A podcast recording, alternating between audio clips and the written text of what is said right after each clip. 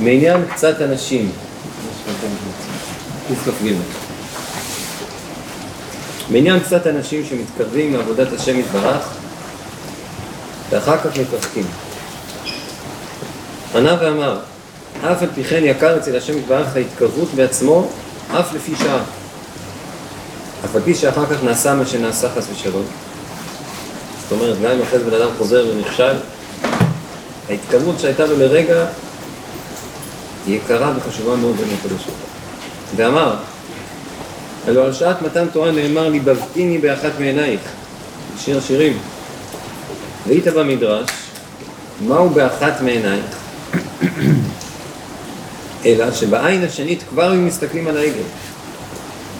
נמצא שבשעת מתן תורה כבר היה דעתם לפרוש חס ושלום. תוך כדי מתן תורה, ליבבתיני באחת מעינייך, רק עין אחת הסתכלנו על הקדוש ברוך הוא, העין השנייה חשבנו על חטא העגל. ואף על פי כן, היה יקר בין השם יתברך מאוד ההתקרבות בעצמו, כמו שכתוב, ליבבתיני באחת מעינייך, כי זה לעצמו יקר מאוד בין השם יתברך. רבי נחמן, הוא לקח את המדרש הזה, המדרש הזה לכאורה בא להעביר ביקורת על עם ישראל. שכביכול, הקדוש ברוך הוא אומר לעם ישראל, ליבבתיני באחת מעינייך. תוך כדי מתן תורה כבר בעין אחרת כבר חשבתם על העגל. זה הפשט של המדרש, כמובן שקורא את המדרש ככה יכול להבין. רבי נחמן אומר, אבל תשים לב, בסופו של דבר, בפשט בשיר השירים, הפסוק הזה נאמר בתור שבח, בתור שבח על עם ישראל. הקדוש ברוך הוא הדוד, אומר לראייה, אומר לעם ישראל, ליבבתיני באחת מעינייך, ואחת מצברונייך, וכולי, זה, זה הכל בתוך פסוקים של שבח. אז זאת אומרת, שלמרות ש... למרות שעם ישראל כבר בזמן מתן תורה התכוונו לעבוד עבודה זרה ולפרוץ מהקדוש ברוך הוא ולעזוב את הקדוש ברוך הוא. הקדוש ברוך הוא מתפאר ומשתבח בזה שבסדר, אחת מעינייך הייתה איתי, איזה יופי, אשרייך, מתוך לקח, תודה רבה, איזה זכות. ש, שלפחות ברגע אחד הסכמתם להקשיב לי ולשמוע את, את, את מה שאני מדבר איתכם. ובאמת מה שרבי נחמן עושה פה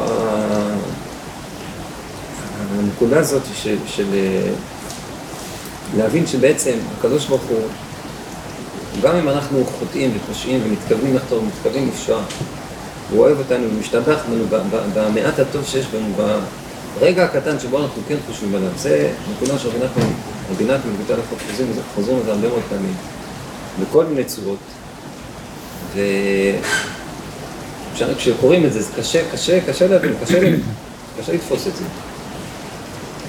כי בן אדם באופן טבעי נוטה לחשוב שאם אני עובד את השם, מתנהג כמו שצריך, מקיים מצוות, אז אני חשוב בעיני השם, ואם חלילה אני, באותו זמן שאני לא עובד את השם ועושה עבירות חס ושלום, אז אני רחוק, אני לא שייך. וזו טעות נוראה, זו טעות עצומה. כל דברי המוסר וכל הספרים שכתוב בהם, גם בחז"ל ובכל המקומות, גנות העבירות והדברים הכי רעים והכי נוראים על מי שעושה עבירות והעונשים שיהיו לו וכולי וכולי וכולי. רבי נתן אומר, כל הדברים האלה, המטרה שלהם היא אחת ויחידה, לקרב אותנו לקדוש ברוך הוא, ולא לרחק. בן אדם קורא ספר מוסר, קורא דברי מוסר, וכתוצאה מזה הוא מתרחק מהקדוש ברוך הוא, אז שיפסיק, שיזכור את הספר, שיפסיק לקרוא את זה. המטרה של כל הספרים, של כל המוסר, של כל מה שיורדים עלינו ומדברים בכזאת תקיפות, ובצורה מאוד מאוד קשה על, על, על עבירות ועל דברים, דברים שעושים, המטרה שלהם היא אחת ויחידה, לקרב אותנו לקודש ברוך ומה זה קרבת השם? קרבת השם זה אהבת השם, להבין שאנחנו קרובים ואהובים וחביבים ויקרים מן השם כבר. אז איך זה, איך ספרי מוסר אמורים לקרב אותנו לקודש ברוך הוא? כשבן אדם הוא חזק, אז כשנותנים לו איזה מכה, זה, זה גורם לו להתחזק עוד יותר. כמו, כמו החיסון, מחסנים מישהו, נותנים לו קצת איזה מכה, קצת משהו מהחולי, זה גורם לגוף שלו להיות עוד יותר חזק. זה המטרה של, ה, של המכות שהקדוש ברוך הוא נותן לנו, זה המטרה של הדיבורים הקשים, של כל הדיבורים החריפים ושל כל הירידות שהקדוש ברוך הוא בכלל יורד עלינו כשאנחנו חוטאים. המטרה היא לחסן אותנו, לחזק אותנו ולרצות ממנו לגרום עוד יותר להתקרב אליו. הוא דוחה אותנו כביכול בשביל שנרצה עוד יותר. ואם אנחנו מפרשים את זה וכביכול כאילו דחו אותנו כפשוטו, אנחנו מפספסים לגמרי את כל המסר. זה לא מה שהוא התכוון, זה לא מה שהוא רוצה, זה ההפך הגמור מכל מה שהוא רוצה.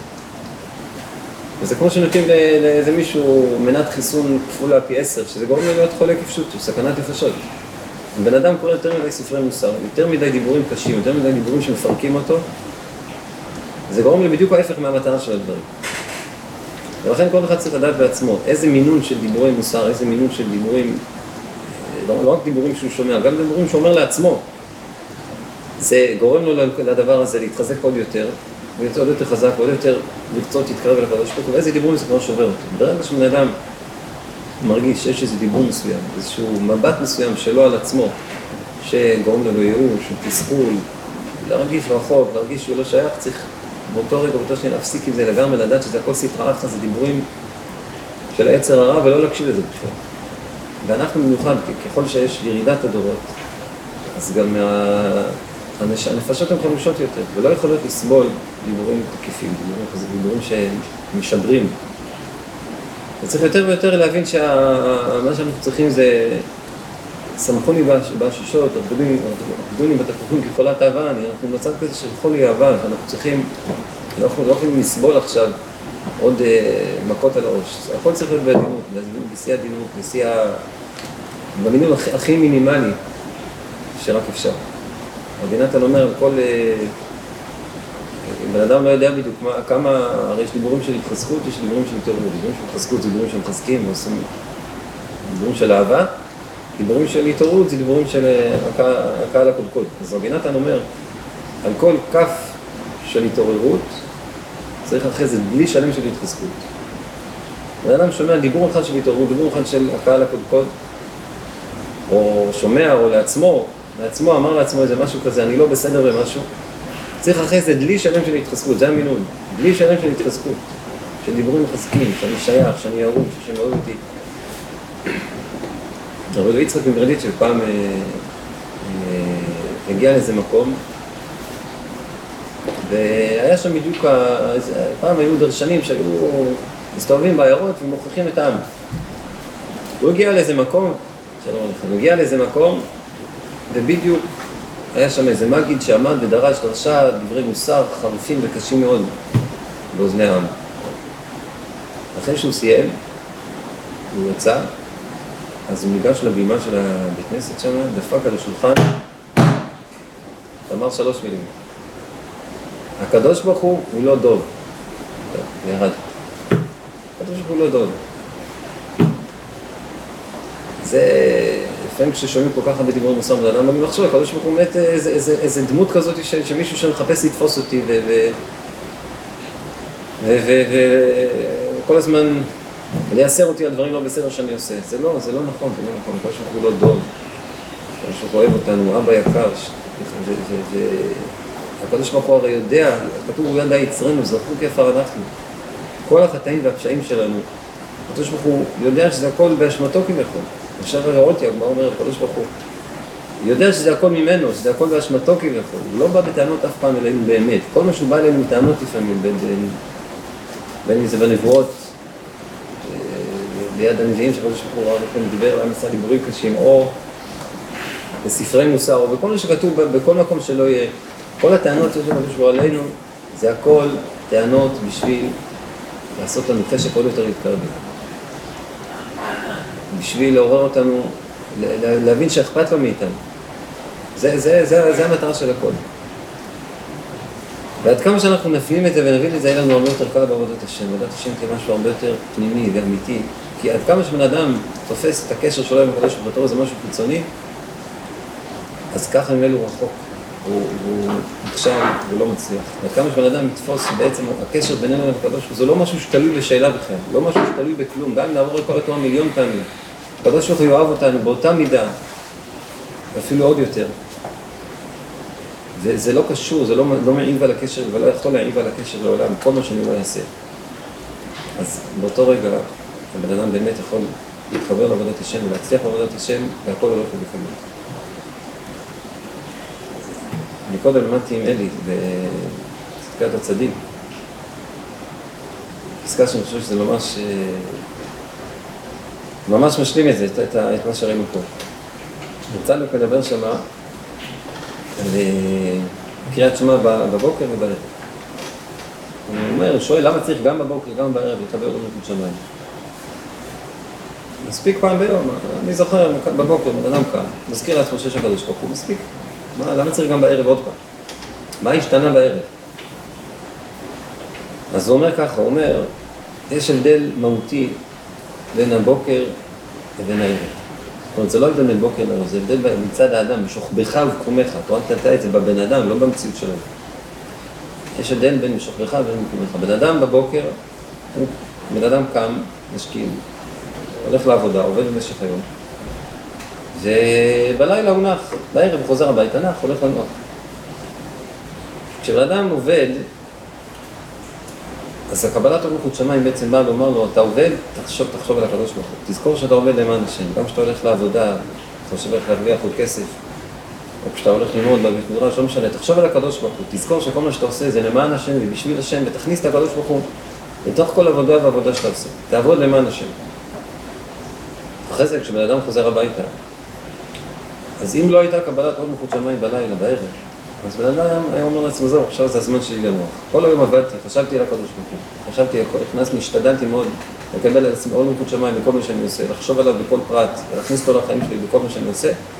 עכשיו זה זמן לנוח. לעצמי קצת, להירגע, לנוח. פה באה התורה ואומרת, כבר עכשיו תקבל לעצמך עוד מלכות שמיים. מה זה קבלת עוד מלכות שמיים של המלוכה? זה קבלת עוד מלכות שמיים שונה בתכלית, במהות שלה, מקבלת עוד מלכות שמיים של הבוקר.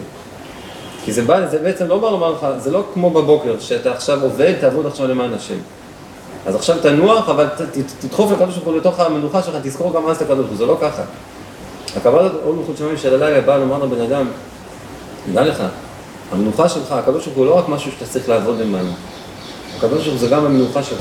הקשר עם הקדוש ברוך הוא זה לא רק דבר שאתה צריך להתאמץ בשבילו, אלא זה גם הדבר הכי כיף והכי נעים שאתה, שהוא, שהוא בשבילך. הקדוש ברוך הוא בשבילך, הקדוש ברוך הוא בשבילך, והקדוש ברוך הוא עצמך, והנקודה הכי פנימית שלך זה הקדוש ברוך הוא.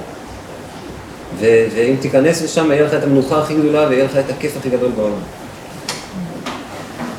זה לא רק שהקדוש ברוך הוא משהו שאתה צריך לעשות משהו למעלה, להתאמץ עליו.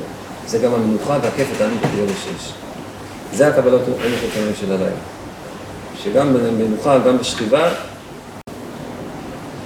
זה, זה העונג שלי, זה, זה המנוחה שלי, וזה זה, זה, זה הדבר הכי כיף שיש בעולם. אני מגיע הביתה בערב, לחשוב על הקדוש ברוך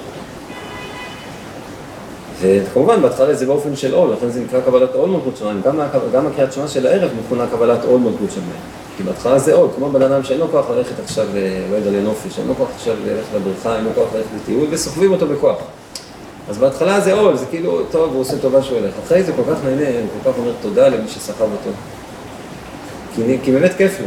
אז אותו דבר, אנחנו בהתחלה כביכול שמים זה כמו איזה עול. גם כשאנחנו חוזרים הביתה ורוצים לנוח, לא, לא, לא, גם עכשיו, תזכור את הקשר. אבל באמת אחר כך אנחנו צריכים להגיע למקום כזה של מנוחה, של עונג, של כיף. שזה, וזה מה שהקדוש ברוך הוא רוצה, זה התכלית. זה, זה הקבלת עונג חודשיים של הלילה, זה התכלית, וזה המדרגה הגבוהה יותר שאליו צריכים לשאוף בעצם גם כל היום, בכל החיים. וזה אולי, זה אני חושב הנקודה שרבי נחמן רוצה כל הזמן בעניין הזה של הדיבור, דיבור התחזקות של האלה. שנבין שבעצם הקדוש ברוך הוא זה לא רק איזה משהו ש... כמו שבאופן טבעי אנחנו רואים את זה כאיזה עול, כאיזה משהו כזה שצריך לעשות משהו למענו, אלא הקדוש ברוך הוא זה הנקודה הכי פנימית, הכי...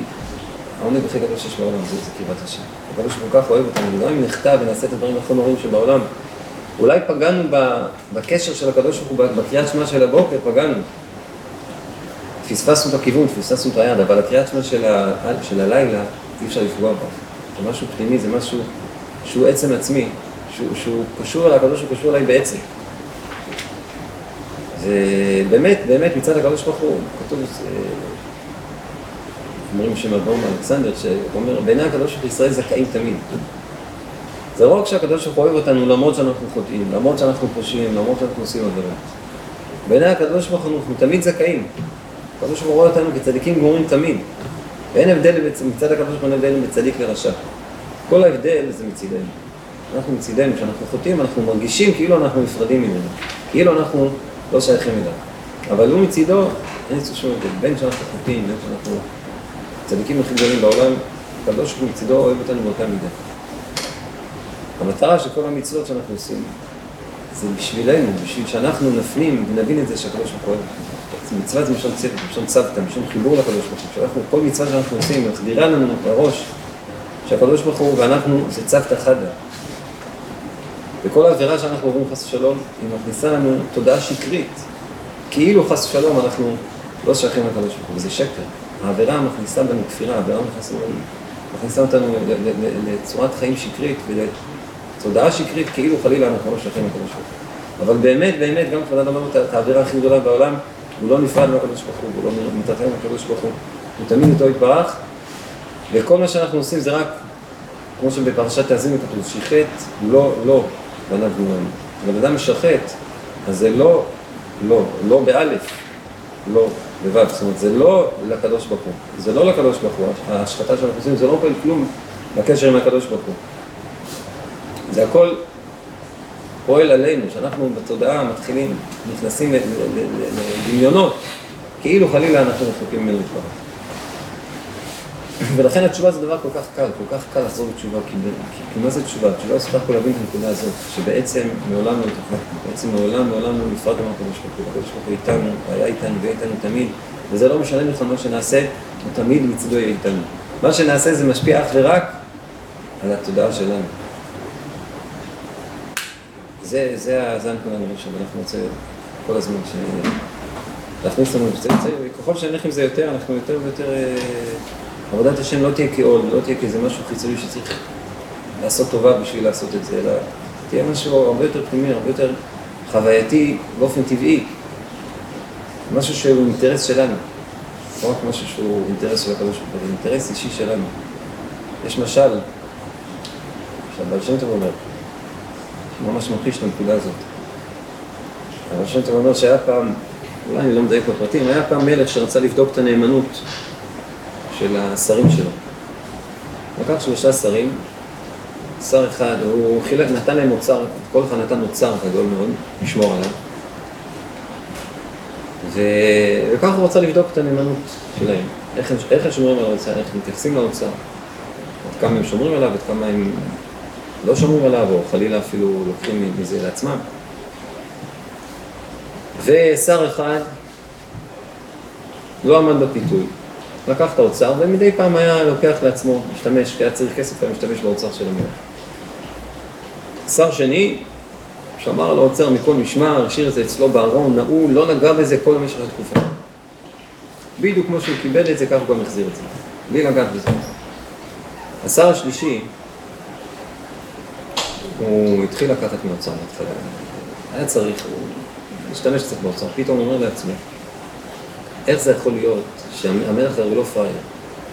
נתן לי אוצר, הוא יודע שאני יכול ברגע אחד להשתמש בזה ולקחת את זה ולגנוב את זה, וככה הוא, בסדר, הוא מאפשר את זה, הוא לא... זה לא ייתכן. חייב להיות שכשהמלך נתן לי את האוצר, הוא התכוון שאני אשתמש באוצר, ואני אקח אותו לעצמי. ואז ככה אני אשמור עליו הרבה יותר טוב. כי כשהאוצר הוא של מישהו אחר, כשהדבר הוא של מישהו אחר, אז אתה שומר על משהו של מישהו אחר. כשזה שלי, יש לי אינטרס, אז אני שומר על זה פי אלף. זאת אומרת, המלך רצה שאני נהנה מהאוצר, ואז ככה אני שומר עליו הרבה יותר טוב. ואז בעצם כל מה שהוא נהנה להשתמש באוצר, זה הכל היה בשביל שהוא ישמור על האוצר יותר טוב. הוא שינה את כל, ה, את כל הכיוון, את כל הלך, את הלך המחשבה הזו. לא שכשאני משתמש באוצר אני גונב מהמלך, להפך. כל שימוש שאני משתמש באוצר, זה למען האוצר, זה למען המלך. כדי שהאוצר יהיה גם, יהיה לי, יהיה לי אינטר, יהיה אינטרס באוצר, שאני אהנה ממנו, ואז ככה אני שומר על זה פי אלף יותר טוב, למען המלך. הראשון. אז בעצם הוא עשה כמו הראשון, אבל בכוונה הפוכה לגמרי מהראשון. המשל הזה של שם טוב, זה, זה בא בתור משל על היחס לגשמיות. יש אנשים שהקדוש ברוך הוא נתן לנו עולם גשמי, נתן לנו אה, הנאות ותענוגים, שהשר הראשון מה הוא עושה? השתמש בזה לצורך עצמו, השתמש בתענוגים בהנאות לצורך עצמו. השר השני אמר לו, אני לא נוגע בתענוגים, לא נוגע בזה, לא משתמש בזה. זה, זה הדרך של הסיגופים ותעניות ולהיות פרוש מכל ענייני העולם הזה. לא לגעת, לא להשתמש. והדרך השלישית, שהיא המובחרת, זה להשתמש בגשמיות, אבל הכל למען המלך. זאת אומרת, ליהנות, לדאוג לעצמי, לפנק את עצמי. אבל לדעת שבעצם כל מה שאני מפנק את עצמי, כל מה שאני דואג לעצמי, כל מה שאכפת לי מעצמי, ואני מחפש את האינטרס שלי בעצמי לכל דבר טוב שאני עושה, כל מצווה שאני עושה, אני מחפש את האינטרס שלי. לא כי האינטרס שלי זה המטרה, אלא כשיש לי אינטרס בדבר הזה, ממילא אני עושה את העבודה טוב. כשיש לי אינטרס ב- בלימוד תורה, כשיש לי אינטרס בקיום מצוות, כשיש לי אינטרס בתפילה, בכל דבר אני מחפש את האינטרס, את התענוג, את, את החיבור הפנימי שלי לדבר, את, את, מחפש ליהנות מזה, אז ככה אני מקיים את זה הרבה יותר טוב, ועובד את השם הרבה יותר טוב. כי, כי וזה לא רק איזה עצה חיצונית כזאת, במשל זה נשמע כאילו זה עצה חיצונית, טוב, תהנה מהאוצר וככה אתה, יש לך אינטרס, אתה שומע על זה יותר טוב. באמת, באמת, מה שהכתוב שהוא רוצה זה שנבין שכל האינטרס שלנו זה אינטרס אלוקי. האינטרס שלנו והאינטרס שלו זה לא שני דברים שונים. אני אכפת לי מעצמי, הקדוש ברוך הוא נטע בי, נטע בי וטבע בי את הטבע לדאוג לעצמי, שיהיה לי אכפת לעצמי ולחפש תענוגים לעצמי, כי הוא רוצה שאני אטפח את עצמי, שאני אשמור על עצמי, זה כמו שדה של אילנות. כל נשמה, כל יהודי זה אילן שגדל בשדה של המלך, בשדה של הקדוש ברוך הוא. אני יותר קל לי לפתח את האילן שלי, אז אני אפתח אותו, אני, אני אפנק אותו, אני, אני אפאר אותו וארומם אותו. אם אני יכול במקביל גם לדאוג לעוד אילנות, מה טוב ומה נעים. אבל לא כמו התפיסה החיצונית, ואולי אפילו אתה אומר הנוצרית, כאילו שבן אדם, בשביל להיות בן אדם טוב, הוא צריך לא לדאוג לעצמו, רק לחשוב על אחרים. זה לא נכון, כי אני בעצמי גם נשמה, אני גם חלק אלוקא ממעל, אני גם עץ, אני גם שתיל בשדה של הקדוש ברוך הוא. ואדרבה, לפתח ולפנק את, את, את השתיל הזה הרבה יותר קל לי. כי אדם קרוב אצל עצמו, אדם נהנה ויש לו תענוג ויש לו שמחה ויש לו חיות, הוא עושה את זה הרבה יותר טוב, אז אני, אני, אני אשקיע בדבר שאני טוב בו. לעצמי אני טוב, לעצמי אני, אני בקלות יכול לדאוג. אני אדאג לעצמי. אבל כל הדאגה שלי לעצמי היא כי אני, כי אני חלק אלוק ממעל, כי יש בי נשמה אלוקית, והאינטרס שלי זה בעצם אינטרס של הקדוש ברוך הוא. זה הכל תלוי בנקודה הזאת. כמה שנבין שהקדוש ברוך הוא ואנחנו זה לא שני דברים שונים, זה לא איזה משהו שהוא אחד מול השני, אלא זה הכל אחד. אז ככה נוכל באמת יותר, בכל מה שאנחנו עושים, למצוא את הקדוש ברוך הוא, מחוברים לקדוש ברוך הוא, וליהנות ולהתענג על הקדוש ברוך הוא כל דבר שאנחנו עושים. שנזכה, בעזרת השם.